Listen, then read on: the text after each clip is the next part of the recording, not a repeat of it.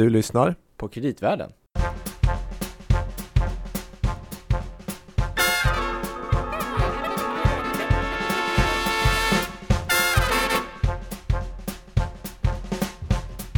You must take the A train to go to Sugar Hill way up in Harlem.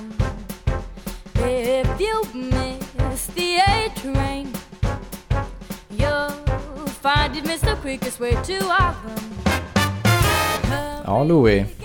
Ja, Gabriel. Tåget är anlänt. Äntligen Ja. är det dags. Ja. Alltså jag är nästan Fast för, överladdad inför det här avsnittet. Är det sant? Känner jag. Ja, det är lite så, nästan som att man får en sån här sockerkick. Så känns det. vi har ju också bullar framför oss, men Mm, inte det där. har vi dessutom. Jag har inte torats ta en tugga. Jag tänkte precis fråga, är det nu som tåget anländer eller som det far? Det är väl nu som det äntligen ska ge sig av från eh, perrongen. Mm, sommarperrongen. Ja, precis. Det första riktiga avsnittet sedan Ja. sommaruppehållet. Så det är återstart Mm. för kreditvärlden i höst. Mm. Jag har en grym höst framför oss, Mm, vi. tycker jag. Mm. Och idag så är det ju, ja men det här är liksom, det är nästan, det är nästan julafton. Högtidsstund. Sveriges utveckling, Ja. infrastruktur, ja, kreditmarknaden ja, och så lite tåg också. just det.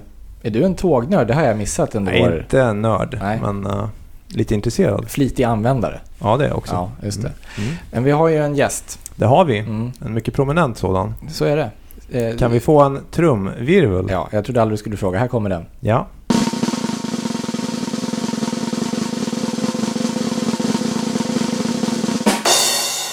HG Westberg, varmt välkommen till Kreditvärlden. Tack så hemskt mycket. Mm. Kul att ha dig här. Du är för de som inte vet eh, en av huvudpersonerna i den så kallade Sverigeförhandlingen. Berätta lite kort. Kan du berätta lite kort om både dig själv och... Vi kan börja med dig själv. Och så tar vi Sverigeförhandlingen sen kanske. Mm. Ja, om jag börjar med mig själv. Det är ju alltid kul att prata om sig själv. Eh, jag har eh, Tycker jag också. Det vet ju vi. jobbat med, med väldigt många olika saker i mitt liv. En ungdomspolitik, eh, eh, studentpolitik, eh, en lång period i Försvarsmakten under den tiden som, som uttrycken som möjlig och sannolik skapades. Det var under ubåtsjakterna på 80-talet. Mm, just det. Mm. Spännande tider. Ja, vi jagade mink hävdar alla andra. Min fru brukar säga om ni jagade mink i tio år, varför fick jag aldrig någon? Kappa. Nej, men sen, ja, stort byggföretag, och näringslivsorganisationer och så tillbaka till politik. Jag var statsminister Fredrik Reinfeldts statssekreterare under första mandatperioden. Jag var också på försvarsdepartement och UD lite grann i statssekreterarroller. Just man, moderat, kan man säga det utan att man behöver... Utan tvekan. Mm, just det. Under hela... Och det började från unga år. Ja, efter att ha testat diverse olika esoteriska varianter på samhällsbyggnad som hade det gemensamt att de brukade leda till revolution och död så landade jag i en, en blandning av liberala och konservativa åsikter som i Sverige kallas för Moderaterna. Just det. Och där har du så att säga behållit det. Men nu är det en mer opolitisk roll. Både ditt så att säga heltidsjobb som inte är Sverigeförhandlingen utan... Nej, mitt heltidsjobb är att vara den svenska ledamoten i Europeiska unionens revisionsrätt. Och vad gör då en sån fågel? Jo, den ska hålla koll på EU-budgeten. Och själv håller jag på med uteslutande effektivitetsrevision. Mm. Och jag är inriktad på, på eh, unionens eh, externa aktivitet som vi kallar det. Det är utrikesverksamhet, det är försvar, Mm. det är bistånd, där bistånd är de stora pengarna. Det är en het potatis. Ja, jag har till exempel just nu ansvar för eh, revisionen av den europeiska flyktingkrisen. Oj. Det låter ju som mer än ett heltidsjobb i sig. Det är ett väldigt roligt jobb. Eh, Jag är ju absolut inte revisor, jag är ju inte ekonom, jag är statsvetare. Eh, Mm. Men eh, effektivitet har alltid intresserat mig. Att man får det man beställer och man får det på ett någorlunda kost- kostnadseffektivt sätt. Mm. Det tycker jag är viktigt. Och eftersom jag är av födsel ohejdad vana får jag nog säga stor vän av europeiskt samarbete. Mm. Så är det ju kul att få avsluta sin yrkesverksamhet på det här viset. Det kräver ett visst mått av diplomati, tänker jag. Ja, det gör det. Men det krävs mer av envishet och, och eh, förmåga att bortse ifrån de som försöker förklara varför det gick så dåligt därför att de menade så bra. Mm, just det. Är det jag tänkte, finns det några likheter med, du var ju också statssekreterare i statsrådsberedningen, det vill säga en ja, väldigt högt uppsatt politisk tjänsteman. En kort sammanfattning. Vad, finns det några likheter med det arbetet? Liksom? Och det, här, ja, det är ju också en förhandlingsfråga och diplomati hela tiden. Jo, eh, politik på den nivån som en statssekreterare och statsministern eh, sysslar med är ju mycket förhandlingar. Och man ska komma ihåg att jag arbetade i en koalitionsregering. Mm. Eh, och det har jag väldigt goda erfarenheter av. Så visst var det mycket förhandlingar och mycket diplomati. Men sen är det också, det ska man inte sticka under stol med, rätt mycket hårda nypor och, och eh, vilja att få igenom chefens, eh, chefens beställningar. Mm. Någon frågade mig en gång, vad gör statsministerns statssekreterare? Och då sa jag att ja, han gör, eh, i det här fallet en han, det som chefen vill ha gjort men inte vill göra själv. Mm. Det är väl en bra sammanfattning. Inte så smickrande kanske? Nej, inte ett dugg. Det Nej. är inte avsikten. Man får inte bara vänner när man har det jobbet. Nej, men det är det. ofantligt givande och det är nog det som jag är allra mest stolt över att jag har gjort. Mm, Och viktigt troligtvis för så att säga, vad heter det, hela myndighet, eller myndighet, inte myndigheten men Det är, Rollen. Det, du har rätt när du säger myndighet. Därför att Mm. regeringen är två saker. Dels är det regeringen och det är en samling med statsråd. Mm. Och sen är det myndigheten regeringskansliet. Och I Sverige så är den liten och väldigt effektiv. Mm. Och eh, är ett väldigt avgörande instrument för att politiken får genomslag ut i de andra myndigheterna. just det. Och då gäller det också att kunna sätta ner foten. Och göra det på ett görbart sätt. Just det. Eh, Så att det, det var oerhört fascinerande och spännande. Jag valde själv att inte vara med andra mandatperioden. Mm. Eh, vilket jag ibland ångrar. Men då fick jag ju det här Europauppdraget istället. Just det. Så att, att driva saker framåt, projekt framåt. Det är Ja. en av dina stora styrkor kan jag tänka mig. Jag är, säger alla min, i min omgivning när de tror att jag inte hör, så säger de så här. HG är inte någon thinker, he is a doer. Och det ligger mycket i det. Mm. Mm. Just det. Mm. Men det här att sätta ner foten men ändå få med alla på tåget. Det var lite det jag tänkte, att det borde ju vara ganska bra egenskaper i Sverigeförhandlingen. Jo då, det, det började ju med att eh, jag fick ansvar för det som heter Stockholmsförhandlingen. Som Mm. var Och 20 det kanske jag berätta vad det är? Ja, 2013 så bestämde sig statsministern för att i klartext, det byggs för lite i Stockholm. Eh, Och det beror i hög grad på att Stockholm inte bygger ut sin infrastruktur tillräckligt mycket. Och då får staten skjuta till pengar, men då ska staten ha bostadsbyggandet tillbaks. Mm. Och tillsatte då en förhandlingsperson, eller rätt sagt två, Katarina Håkansson Boman som är medförhandlare heter och jag Mm. för att få fram detta. Och vi lyckades på sju månader få fram eh, avtal med Stockholmskommunerna och landstinget om 78 000 nya bostäder och 20 kilometer ny tunnelbana. Och då ska man ha klart för sig det har inte byggts någon ny tunnelbana i eh, Stockholm. Nej, Det är sedan- många år sedan. Ja, det är 70-80-tal. Mm. Det byggdes några hundra meter på 90-tal men det, jag tror det var 600 meter Mm. eller någonting sånt. Det var en station, det var Mm. Skarpnäck. Så det var ju obruten mark. Mm. Och, det, och det handlar ju om att, att driva igenom denna uppfattning eh, och att få alla med på eh, ett i slutändan bra förslag för alla. Och det lyckades vi med. Mm. Och det är väl roten till att jag har Och det projektet är liksom sjösatt kan man säga nu? Det är sjösatt. Under konstruktion eller? bygg, På gång, bygg, byggstarten på den första tunnelbanelinjen i det Mm. paketet är tänkt att ske i år. Mm. Eh, Och då Okej. menar jag att Mm. man börjar spränga för nya tunnlar. Okej, och klart ska det vara? Ja, eh, om jag säger en, en bit in på 20-talet. Mm. Eh, 24-25 skulle jag gissa Mm. att allting, det tar tid. Mm. Det är ju inte bara det, ska, det är mycket att bygga och mycket berg att spränga bort. Jag hade någon gång en uppgift om hur hög den, den högen med sprängsten skulle bli. Den har jag glömt. Men, men, men det är mycket i alla fall. Det är ett stort Mm. Matterhorn. Men, men eh, det är också en ganska besvärlig tillståndsprocess och, och så. Vi bygger ju inte som, som utvecklingsländerna utan vi har ju en, en demokratisk process kring vårt Ja. byggande. Ja, du ska igenom områden som är... Alltså under områden som är tättbebyggda och så vidare. Inte helt okomplicerat. Det är helt rätt. Och där stationerna ska upp, där måste man ju upp i en del fall i befintlig bebyggelse och sådär. Så att det Mm. är komplicerat. Mycket av det där jobbet eh, i sina detaljer pågår ju nu i en förvaltning som landstinget byggde upp som heter Förvaltningen för utbyggd tunnelbana. Så jag har inte längre med det att göra.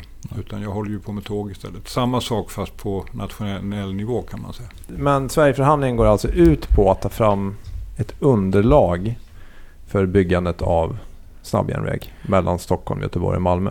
Det är huvuduppdraget. Sen har vi en hel del andra uppdrag. det. Men vi kan hoppa över dem just nu. För jag Mm. tror det är bättre att vi koncentrerar oss på Ja, det det som var är alla i- möjliga intro på- grejer har jag ja. noterat också. Jodå, Men, det är allt möjligt.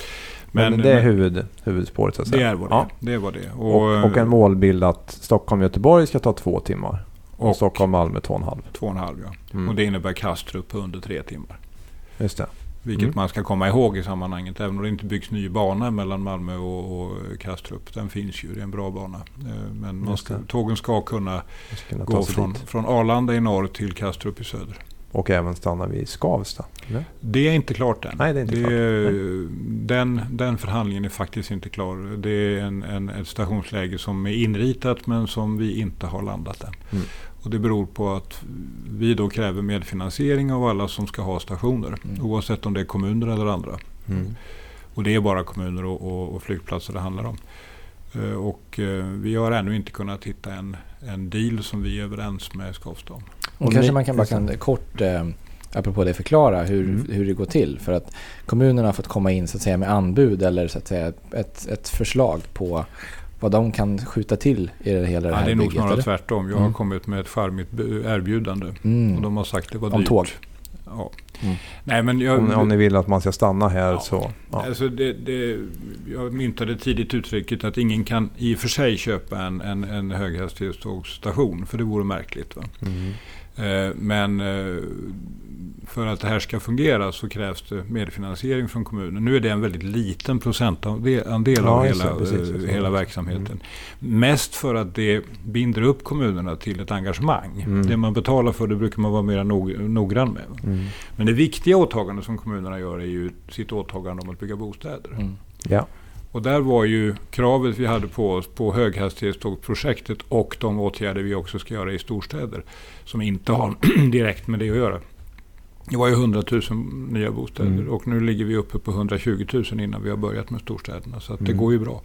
Det, Det går väldigt bra. Mm. Utan vi har ju då talat om vad vi förväntar oss att de ska betala, vad vi förväntar oss att de ska betala i förskott och hur många, många bostäder de ska eh, bygga. Och så har vi förhandlat om det. Mm. Det är vi ju klara med, med alla utom Stockholm, Göteborg och Malmö för där kopplar det till andra åtgärder också. Men bara så att man förstår saken rätt. Ni är alltså tillsatta av regeringen. Det är regeringen som vill ha det här underlaget. Japp. Och sen baserat på vad ni kommer fram till så ska man ta beslut i riksdagen. Och då kan det fortfarande bli så att det blir ingenting. Det är ju fullständigt korrekt. Ja. Det är inte så att konungariket Sverige har delegerat all beslutsmakt i infrastrukturen åt herr Westberg för de kommande 20 åren.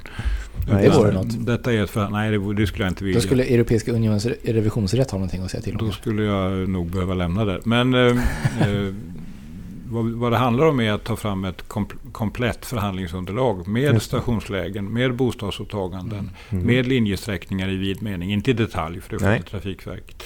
Eh, och, att presentera, och kostnadskalkyler för detta. Och att presentera det för regeringen eh, så att de kan eh, vända sig till riksdagen. Och nu ska det läggas en rapport här i september. Ska det komma någonting? Är det inte så? Ja, alltså regeringens första tillfälle där de skulle kunna säga någonting om detta, de är inte tvungna. Okej. Det är den infrastrukturproposition som, som kommer någon gång under hösten. Okej. Mm. Och de skulle också kunna ta in resonemang om det här i den budgetpropp som kommer i oktober. Just det. De är inte tvungna att göra det, men, men eh, de kan inte vänta så väldigt mycket längre än så. Eh, Därför att byggstart för det här projektet som framgår av mina direktiv är att det ska börja byggas i- 2017 Mm. och det ska vara klart 35.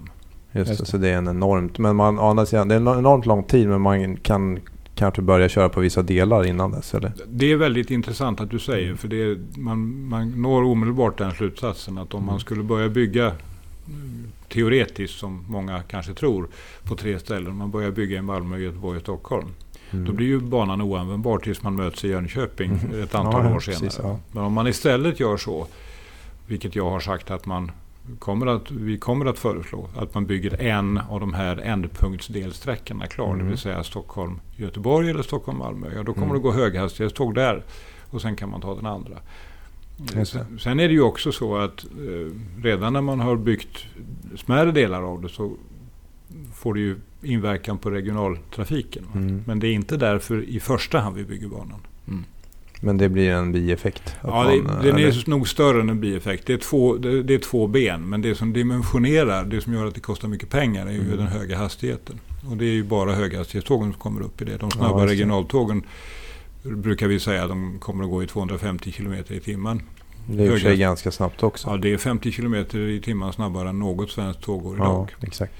Och de riktigt snabba tågen, höghastighetstågen, de ska ju kunna gå i 320. Mm. Och det gör de ju också på de sträckor runt om i världen som, där de redan finns. Ja, just det. För att nu tänkte jag om vi uh, byter spår lite grann. Det är egentligen samma spår. Men om vi breddar perspektivet och även tittar lite grann utomlands. Har det ju redan byggts mycket sånt här i många länder. Um, i din mening, har vi liksom en uppdämd, om man kallar det för en infrastrukturskuld i Sverige? Det vill säga, precis, du sa ju tidigare att det var väldigt länge sedan vi byggde någon tunnelbana i Stockholm, men stan har växt enormt mycket och sen har det inte gjorts något. Vi har förvisso en låg statsbudget, men man kanske kan tänka sig att... Jag såg någon studie från Svenskt Näringsliv för några år sedan. Och hävdade om att vi hade en sån här skuld på kanske i storleksordningen 300 miljarder. Den skulle kunna stiga till 700 miljarder här i om några år framåt. Jag tror att det är alldeles rätt att vi har en infrastrukturskuld. Mm. Hur stor den är det kan man ju ha hundra olika åsikter om. Mm. Det beror ju på vilka ja, projekt absolut. som skulle ha byggts när och inte har byggts. Mm. Så det tror jag inte någon har riktig koll på. Men jag gjorde själv ett tankeexperiment eh, bara för några veckor sedan. Vi har inte byggt, och då håller jag mig till järnväg. Mm. Eh, Svenskt Näringsliv pratar även om, alldeles ja, de, ja exakt, de pratar infrastruktur, de pratar, även el och ja, det är vatten och VVS. El, och... vatten, eh, vägar, eh, flygplatser och sånt. Men om jag Precis. bara håller mig till det som jag kan något mindre lite om så är det järnväg. Mm. Och då är det så att om vi, om vi lämnar därhän just för ett ögonblick det som har skett kring de tre storstäderna, Stockholm, Göteborg och Malmö. Mm så har det inte gjorts någonting annat än underhåll och ganska dåligt underhåll också mm. i stambanesystemet mm. sedan 60-talets mitt. Just det. Och om man då säger att det är 50 år som vi har missat att mm. förstärka stambanan mm. och säger att vi skulle ha gjort det med 10 miljarder om året, mm. vilket är ganska rimligt, ja då är man ju uppe i 500 miljarder. Just det. Att, och jag vill inte säga att det är en absolut siffra, men bara för att man ska få klart för att sig. Man får lite känsla för ja. att det ändå kan vara på det här viset. Och varför är det då så? Ja, eh, järnvägen har ju återkommit kan man säga. Delvis av miljöskäl, men också därför att folk efterfrågar att åka tåg av många skäl. Det är bekvämt och det, och det ena med det andra. Eh, förändrade resmönster. Men sen är det ju det att vi fortfarande är en stor industrination och mm. har väldigt mycket gods som, som företagen vill ha ut på järnväg. Mm. Och det innebär ju att vi har en sta, ett stambanesystem då som om man är vänlig är dimensionerat för 1960-talets behov. Mm. I mina mörkare stunder så tycker jag att det är dimensionerat för 1860-talets behov. det, byggas. Ja, det var då boomen var exakt. ja, det är ju i princip samma system mm. vi har. Eh, så har ju eh, efterfrågan på både gods och personsidan ökat så enormt så att det är fullständigt smockfullt ja. på, på stambanan. Nu pratar jag stambanorna. Mm. Alltså, ja, det är kapacitetsproblem. Man har gått ja. i taket helt enkelt. Det är kapacitetsproblem, det är kvalitetsproblem som mm. delvis beror på dåligt underhåll. Då tror folk bara att man inte har satt av tillräckligt med pengar för underhåll. Men det är inte riktigt så. Det är ju så trångt på spåren så att det går nästan inte att komma in och göra underhåll. Nej, just det. Man har hamnat i en ond cirkel någonstans. Man har hamnat i en ond cirkel. Det är inte bara pengar. Mm. Det är inte bara pengar. Jag vill vara noga med det. Men jag brukar säga lite halvt på skoj och halvt på allvar att om det, om det nu är 10 eh, minuter mellan tågen på Västra stambanan får man vara väldigt snabb om man ska hinna byta lite räls. Mm. Det... Men eh, då undrar man ju så här, varför har det blivit så här just i Sverige? Är det på grund av att vi har de här, du som då är inne i den politiska världen, de här budgetreglerna och så vidare, att man ser budgetöverskott, att det har skapat att det blir svårt att göra långsiktiga investeringar? Eller, eller de här problemen, upp, jag, jag, håller med om att det har påverkat. Nu råkar jag vara en ganska varm vän av, av tajta budgetregler. Mm. Det är ju det som gör att vi har en, en statsfinansiell situation idag som, mm. som, som, är svårslagen i världen. Mm. Så att jag är en varm vän av det. Men de här problemen började innan vi hade våra uh, tajta budgetregler. Mm. Då man fick 80, lov att vara... 80-talet kanske? Ja, ja. Man fick lov att vara mycket mer ansvarslös än man får idag. Mm. Eh, och det är helt enkelt politiska prioriteringar eh, som, som ligger bakom detta. Det har alltid funnits andra saker som har trängt på. Är vi en bilnation?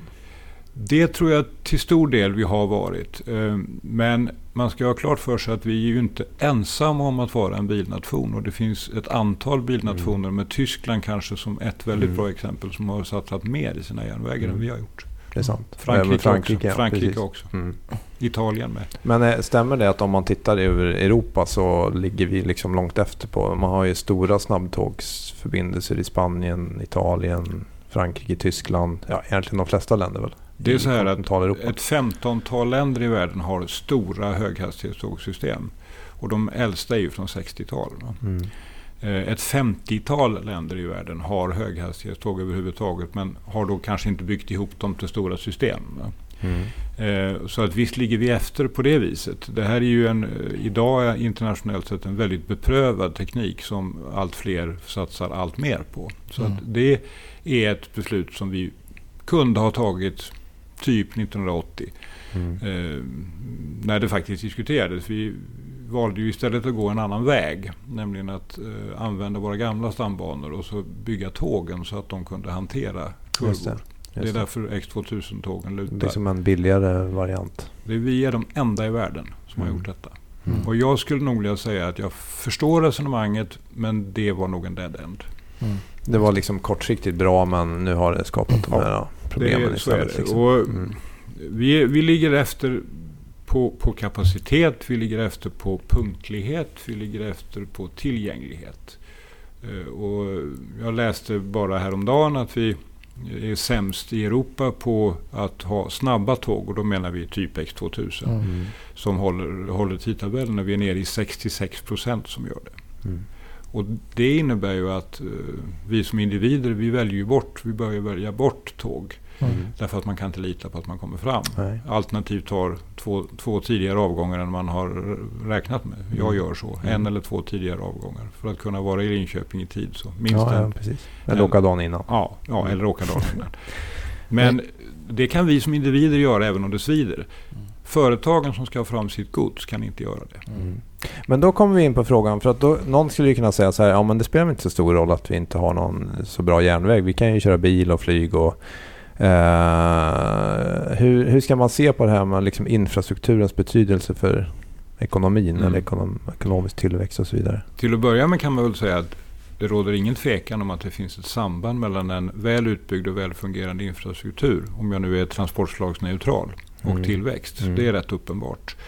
Det kan man se i, i, i både den, de mätningar som görs idag modernt, men man kan också se det bakåt i historien. Hur blev Sverige ett industriland och Mm. att det gick från ett fattigt till ett rikt? Ja, vi byggde järnvägar. Så. Gabriel, nu kommer vi in på det här med företagsobligationerna och när vi byggde, kommer du ihåg det? Mm, Fantastiskt. Avsnitt ett, var det inte det? I Ja. denna podd. Det kan alla nya lyssnare Mm. gå tillbaka till. eh, Och vältra Stambanan. sig i Mm. stambanans Järnvägsnostalgi bland annat. Så är det. Mm. Men det är Ja, intressant cirkeln just slut. Ja. apropå historiken och tekniken. Alltså vi pratar om att det här började många europeiska länder bygga för 50 år sedan.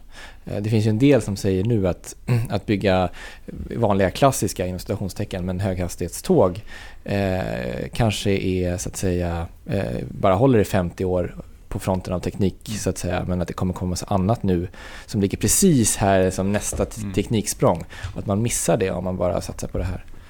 Och då säger jag att Sverige är ett ganska litet land. Mm. Men vi är också ett väldigt stort land. Mm. Och vi har inte råd att göra teknologiska experiment.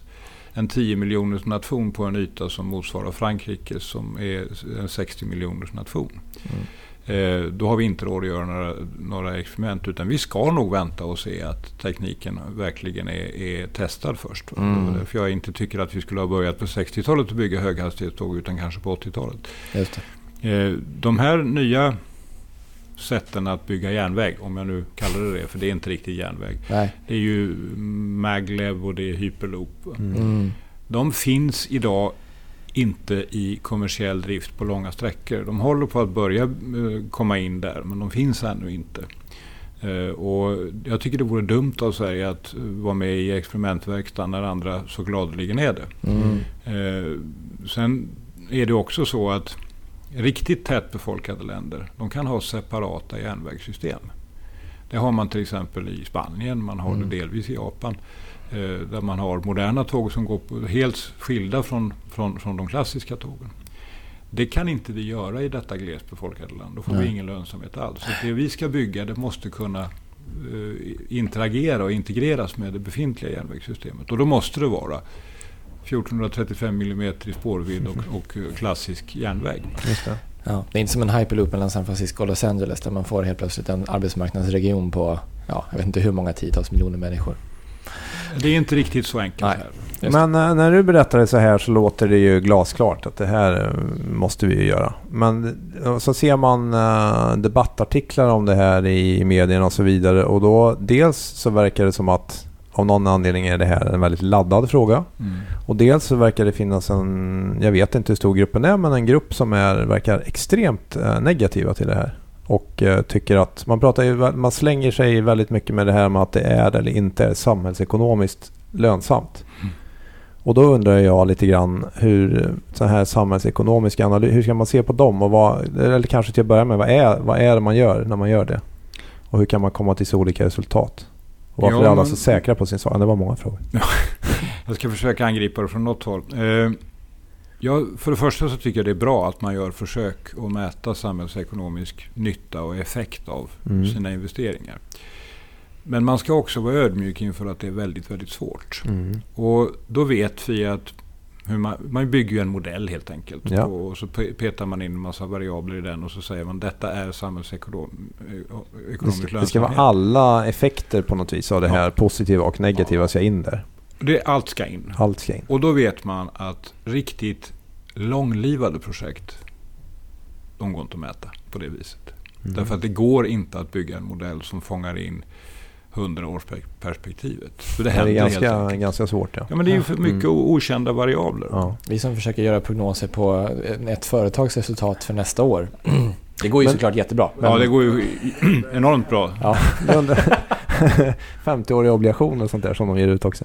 Men då undrar jag hur... ehm, alltså att, att det är så svårt då. Men men man kan väl utvärdera de här modellerna i efterhand då? Om man har sagt någonting vid en tidpunkt och så tittar man tio år senare.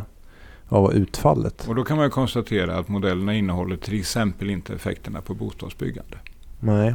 För, varför inte? För att man tycker att det är för svårt att räkna på? Eller för att man...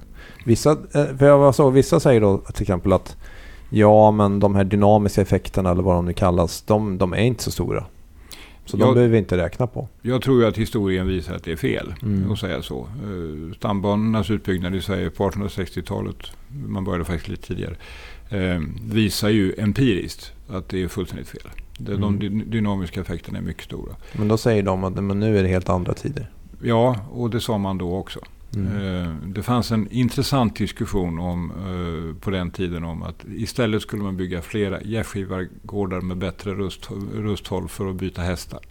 Mm. Det skulle räcka bra. Eh, Just det. Och det påminner mycket om dagens diskussion. Det var apropå det vi pratade om Gabriel, att man sa man var rädd på att ta på sig statsskuld för att göra stambanan för att det skulle komma ett krigsskepp från England och kräva in pengarna. Ja, det är helt Inte. korrekt. Man, Mm. man, ehm, Det var en livlig debatt liksom. det var en Det mycket är ju faktiskt debatt. rätt intressant att tänka på det nu. Och det var en eh, mångfacetterad debatt med lokala intressen som stod mot varandra. Det var bönder som var rädda för att tågen skulle skrämma korna och att det skulle börja brinna överallt. Det visade sig faktiskt vara ett äkta problem att Mm. ångloken faktiskt tände eld på en del skog här och var. Men det lyckades man ju lösa. Eh, och så detta med skuldsättning som Sverige inte var för. Eh, nu var det ju ändå så att man lånefinansierade det här. Och Mm. det var ju först eh, en bit in, man kan säga efter första världskriget som de här, som de här eh, skulderna var reglerade. Just det. Och lite hjälp fick man ju av tysk hyperinflation, måste jag ju erkänna. Mm. Så, det, så här i efterhand var man, det är ändå rätt fascinerande. Man var ju villig att ta den risken. Man kanske var lite mer riskbenägen på den tiden eller? Nej, jag tror Eller? inte du ska kalla för Nej. vi kallar herr Gripenstedt som var fader till detta riskbenägen. Han Nej, var en okej. typisk finansminister som, som, som eh, sa nej till allting som kostade pengar. Om han inte var personligen övertygad om att det hade stora effekter Mm. på tillväxt. Han använde inte ordet tillväxt, men, men, men på utveckling. Mm. Eh, Man kanske vågade ha en vision då? han hade ett, nog ett antal visioner där stabila statsfinanser definitivt var den överordnade. Mm. Eh, Sen hade han den visionen att det skulle inte vara några mer krig. Eh, För de kostade pengar och är Mm. alldeles i onödan. Och sen hade han visionen att Sverige skulle kunna utvecklas om vi fick transporterna att fungera bättre. Och då ska man ha klart för sig att vi byggde ju aldrig ut ett stort kan- kanalsystem eh, i Sverige. Dels var det geografiskt svårt och dels var det glest. Vi byggde bara ett Göta par kanal. kanaler och Mm. Göta kanal är ju den, den enda kommersiella egentligen. Så vi låg ju verkligen långt efter. Eh, och därför hoppade vi över det steget Mm. och gick rakt på järnvägar. Inte så jättetidigt i internationell jämförelse men ändå ganska tidigt. Mm. Tidigare än vi gör nu med höghastighetstågen Mm. kan jag säga. Och hans vision var ju att Sverige kunde utvecklas mycket mer om man bara kunde, kunde transportera eh, människor och framförallt gods på ett bra sätt. Och man ska, Mm. Det är ju intressant att notera att sista gången som Sverige hade svält, det var precis innan järnvägarna byggdes. Så fort järnvägarna var byggda... 1870-talet, eller? Ja, 1860 någonting. Okej. Mm. Eh, så fort järnvägarna var byggda, då har vi, vi har aldrig upplevt det. Vi har haft nöd, men vi har inte haft Mm. svält.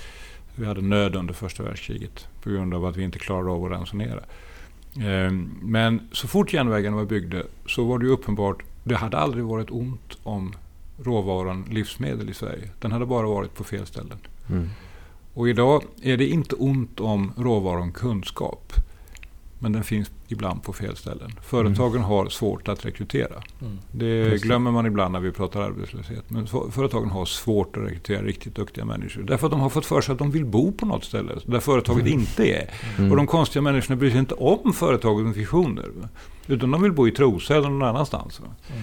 Och det finns en parallell i detta. Det gäller En eh, att... större marknad för arbetspendling. Ja, Mm. det, jag tror att eh, vi är på väg in i ett kunskapssamhälle. Vi är i brytningstiden mellan en, en, att vara en industrination och att vara en servicekunskapsnation. Och under lång tid kommer vi att vara båda.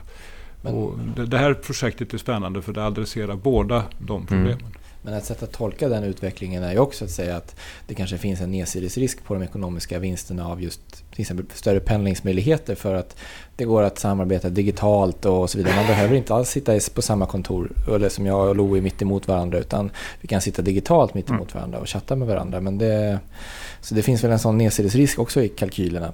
Ja, absolut. Det, det finns risker i allting. Mm. Jag tror att de långa trenderna i människan, människans utveckling är dock att uh, vår strävan att röra oss Mm. eh, och vår strävan att samla ihop oss och Mm. vår strävan att träffa varandra. Mm. Den är, har pågått i tusentals år och jag har väldigt svårt att se att den är bruten inom de närmaste hundra åren.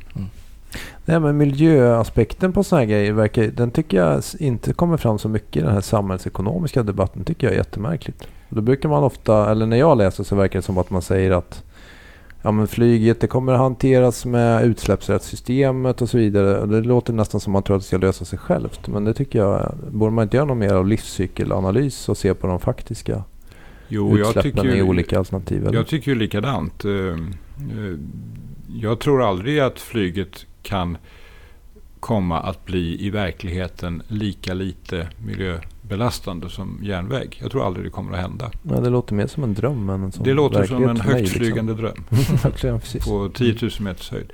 Eh, jag är inte emot flyg. Eh, på vissa eh, sträckor är det, kommer det att vara oslagbart i evighet Mm. tror jag. Men inte på sträckor på, på två timmar, tre, upp till tre timmar. Då är det inte det. Eh, ska vi ta det här med klimathotet på allvar så måste vi eh, göra stora Mm. åtgärder för att få bort, få mi- minska koldioxidutsläpp. Och då är ökat järnvägsåkande så länge vi, vi använder elektricitet till dem som genereras på ett vettigt sätt. Mm. Eh, oslagbart. Jo, innan vi kommer in på finansieringen så tänkte jag bara ställa en sista så här lite politikfråga. Du som har så mycket erfarenhet av det. För att det, det finns ju de här långsiktiga politiska visionerna. Typ vi ska till ett hållbart samhälle och det ligger långt i framtiden. Men sen har vi de här dag till dag arbetet politiska. Och det, ibland så kan jag uppleva att det, är, eh, det dagliga går inte riktigt, det, det hänger inte riktigt ihop med den här långsiktiga visionen. Eh, håller du med? Eller? Jag håller med om det. Eh, Eller är det så att det är omöjligt att komma till den här visionen i det ja, rent praktiskt? vi eller? kan nog komma närmare eh, i alla fall.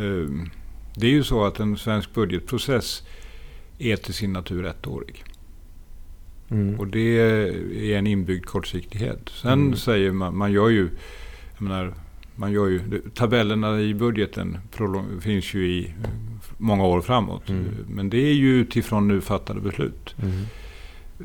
Alla projekt, alla verksamheter som är långsiktiga till sin natur funkar något mindre bra i en sån här Mm. budgetprocess. Eh, Jag säger ånyo, ånyo, jag är väldigt mycket för strama budgetregler. Mm, mm, Men mm. men eh, att kunna räkna nyttor 20, 30, 40 år fram i tiden Mm. är inte vårt budgetsystem optimalt för. Och det gör att alla de här stora investeringsbesluten är jättesvåra. Ja. Jag har ju jobbat länge i Försvarsmakten och dessutom med försvarspolitik och vet ju vilken, vilket elände det är med de stora materialprojekten. Som Mm. Gripenprojektet. Eh, Och de kommer ju att vara eh, 50-åriga Mm. eh, av just detta skäl. Mm. Eh, Där har man då etablerat en sanning att ja, det måste vara så. Då och då måste vi göra Mm. riktigt stora investeringar. Mm. Och de har, de har väl hamnat i strykklass de också ibland. Men det har ändå funnits en, någon sorts samsyn kring att, att Försvarsmaktens behov kräver viktigt. detta. Ja, det. Mm. Helt riktigt tycker jag. Mm. Men det har inte riktigt Mm. funnits det på ett antal andra områden. Och infrastruktur är nog det, det tydligaste. Vi måste kunna räkna in nyttor och vinster som ligger en generation fram. Även i infrastrukturpolitiken. Annars blir det bara kortsiktiga lappa och laga lösningar. Mm. Mm. Men då kommer vi även in på det här med finansieringen. För hur ska man finansiera ett sånt här pass långsiktigt projekt? Och det pratas ju om 100 I alla åriga fall- statsobligationer. flera hundra miljarder i alla fall. Jag vet inte. 230 säger den, den senaste kalkylen. Jag hoppas vi kan få ner den till 200. Men det osuret är bäst. Och då, hur, hur går man rent... För det här, man tar väl inte ett litet belopp i budgeten varje år? Eller hur, hur gör man? Eller Ja, liksom, det är hur- ju det man måste det är göra. det man måste göra. Sen Men då tränger man undan andra saker Och då eller? tränger man undan, skulle man välja den vägen, då tränger man undan eh, väldigt mycket infrastrukturinvesteringar som också måste göras. Mm. För det är ju de man tränger undan huvudsakligen. Ja, ja. Så fungerar ju budgetarbete. Så därför har jag ju som förhandlingsperson Mm. föreslagit två andra sätt att göra det här på. Mhm. Och det ena är att göra som Gripenstedt gjorde, nämligen att lånefinansiera det. Mm. En stor del av det i alla fall. En del kan tas naturligtvis direkt Via. Riksgälds... Via Riksgälden. Riksgälden. Via. Ri- Och det är ju helt oproblematiskt att göra eh, så länge man fortsätter att sköta Sveriges finanser i övrigt bra. Mm. Eh, det blir lite dyrare än om man betalade på ett traditionellt sätt. Va? Men det är, Mm. med, med tanke på att vi har väldigt lätt att låna pengar så är det möjligt. Och det var ju så man gjorde förra gången man gjorde något stort på infrastrukturen. Andra, även, om man, även om man lånar, man kan göra det på två sätt då. Man kan göra det så att säga via Riksgäldskontoret eller så kan staten låna pengar Ja. men ta det i budgeten. ja, så, så kan man göra. Och man kan också välja att på olika sätt som inte har prövats släppa in privat kapital i det här. Mm. Eh, Mm. Och det är inte helt enkelt och det är svårt för dem att konkurrera med de räntor som konungariket Sverige Mm. betalar. Just det. Min andra metod som jag har föreslagit det är att man gör som ehm, vi som privatpersoner när vi vill göra en investering som vi kanske inte tycker att vi kan låna till allting. Ja, då realiserar vi väl en annan tillgång. Vi kan sälja av något aktieinnehav i Just det. Telia eller... Ja, och då har jag använt just Telia-innehavet som Ja, ett okej. exempel. Va? okej. Eh, Eftersom Mm. för mig är det uppenbart bra exempel. Det finns många andra statliga verksamheter man kan sälja Mm. eh, som inte, inte stör statens roll som stat. Men just Telia tycker jag är intressant därför att ungefär samtidigt som vi började bygga järnvägar så började ju Sverige investera i en teleinfrastruktur Mm. som skulle nå världsklass. Det gjorde den Mm. med statliga pengar. Mm. Televerket kallades det. Först Kungliga Telegrafstyrelsen, men det var ett lite obsolet namn. Ehm, och jag vet inte hur många miljarder vi la ner i det där. Någon gång på efterkrigstiden, låt oss säga på 80-talets början, så började vi ju inse att ja, men nu finns det ju faktiskt en marknad som sköter det här. Mm. Och då gjorde vi först om Televerket till ett, till ett aktiebolag som heter Telia och sen så blev det ett introducerat bolag. Och vad som vi har kvar nu av den här mångmiljardinvesteringen i en världsstark teleinfrastruktur. Det är att vi har den fortfarande Mm. men också att vi har ett aktieinnehav Mm. som jag då tycker är helt dött. Det ligger och gör ingen nytta. Eh, lite utdelning får man, men, Mm. men, men någon annan nytta gör det inte. Varför inte ta de pengarna då, Mm. Mm. eh, som det svenska innehavet har, och så sälja dem och säga att det här sköter ju bevisligen marknaden. Mm. Och så lägger vi de pengarna i nästa stora framtidsinvestering. Just det. Och det kanske finns fler sådana bolag då, som man kan se Och jag igenom. tänker inte dra den listan, för då hamnar man rakt in i partipolitiken. Ja, jo. Vad det jag tänkte, det är ju intressant. Det är sådana bolag vi följer, Gabriel. Mm. Just det. Mm. Mycket statliga bolag på kreditmarknaden. Ja, och eh, flera av dem är välskötta. Flera av dem är, har nog ett ganska stort värde på marknaden. Mm. Mm. Just det. Sen finns det sådana som jag absolut inte skulle vilja sälja och sådär. Men det är en annan diskussion. Ja. Mm. Utan en jag är annan, ute efter ytterligare en en diskussion är om järnvägen är ett naturligt monopol. Men den diskussionen kanske vi får ta vid ett annat tillfälle. Jag har åsikter även om detta. Okej. Misstänkte nästan det. Ja, just det. Du kanske också Louis? Ja, det har jag. Ja, Mm. Mm. Jag, håller, jag håller mina kort samlade här. ja det är bra. Men eh, intressant. Men då kan det, skulle det kunna bli... eh, Jag tänkte på 1800-talet var ju sådana järnvägsobligationer. Kanske vi kan få se det igen. Ja, det är ju samma sak som om Riksgälden eh, Ja, lånar upp. Va? precis. Det, det är kärt barn har många namn. Mm. Just, det var en annan, en annan kreditmarknad på den tiden. Mm. Då ville man nog som, som kreditgivare ha en mer direkt koppling till det man... Vi vill inte ha de här småbolagen i alla fall som gick omkull allihopa. Som blev kris och grejer. Det är Det får korrekt. vi inte hoppas på. Det är korrekt. Mm. Men det är en annan diskussion. Eh, Mm. Nu hoppas vi på de japanska, japanska investerarna. Men eh, så nästa sak att hålla utkik från här nu då. Det är regeringens kommande säga, utspel i den här frågan eller? Ja, det är ju så. Eh, Regeringen bör ju visa korten eh, inom en relativt snar framtid. Därför att nu har vi ett förhandlingsresultat som Mm. ger väldigt mycket bostäder och det vill ju regeringen ha. Mm. Och som ger en ny, eh, ny generation järnväg och det vet vi alla att vi behöver. Och visar man då korten, ja då kommer det här förhandlingsresultatet att stå sig. Men om Mm. man låter det här gå in i en, eh, en frågetecken framtid, Mm. då gäller ju inte det här förhandlingsresultatet för all evighet i alla fall. Ja, just det. Det är, politiska majoriteter i kommunerna kan ändras och det ena med det 34. Och sen ska de olika partierna ta ställning då. Så får Ja. man se om det kan bli en majoritet eller ej. Den ekonomiska konjunkturen är hyfsat god så låt oss smida medan järnet är varmt på något sätt. Så har jag också tyckt. Mm. Eh, Och räntorna är låga. Ja, Mm. och kommer att vara det ett tag. Det kanske Troligtvis. får vara slutordet. En Ja, liten... när, hur- ditt uppdrag, när går det ut? Det går ut på nyårsafton 2017. Oj, Jag då, tänk- blir det, då blir det fest. Jag tänker vara klar dessförinnan för jag tänker icke fira min nyårsafton 2017 på näringsdepartementet. Det kan jag faktiskt lova. Men kanske innan du eh, avgår där så kanske vi kan träffas igen. Väldigt Följa gärna. upp. Väldigt gärna. Mm. Det låter vore bra. kul. Mm. Gabriel, Ja, eller ska vi prata om nästa avsnitt? eh, ja, det kan vi göra. Men eller så kan vi helt enkelt be folk lyssna på det också. Men det blir spännande Ja, det blir också spännande på ett Mm. annat vis. på ett annat Nej, vi är lite cliffhanger. Som vanligt. Men på, på In, temat... innan du eh, får ta din låt. Ja, Mm. Eh, Jag såg redan att för alla som inte ser så började Lo göra tågrörelser ja med armarna. precis. Jo, men det var lite så här uh, omedvetet. Ja. Men jag vill bara säga till alla som lyssnar att ni får jättegärna, om ni tycker att det här var in, någorlunda intressant, gå in på eh, till exempel iTunes och skriv någon kommentar, sätt några stjärnor. Det Mm. hjälper oss eh, Och dela, fler. dela gärna. Dela också gärna i sociala kanske medier. har någon järnvägsintresserad vän som Kan vill lyssna på det här. En tågnörd. Som. Finns sådana sådana? Det gör, gör det många. Nu Louie, varsågod. Ja, en av mina absoluta favoritlåtar med en av mina absoluta favoritartister, då blir det bra. ja, det tror jag. Memphis Train Mm. med Rufus Thomas. Mm. Nu kör vi. Nu åker vi. Tack Roger. Tack. It's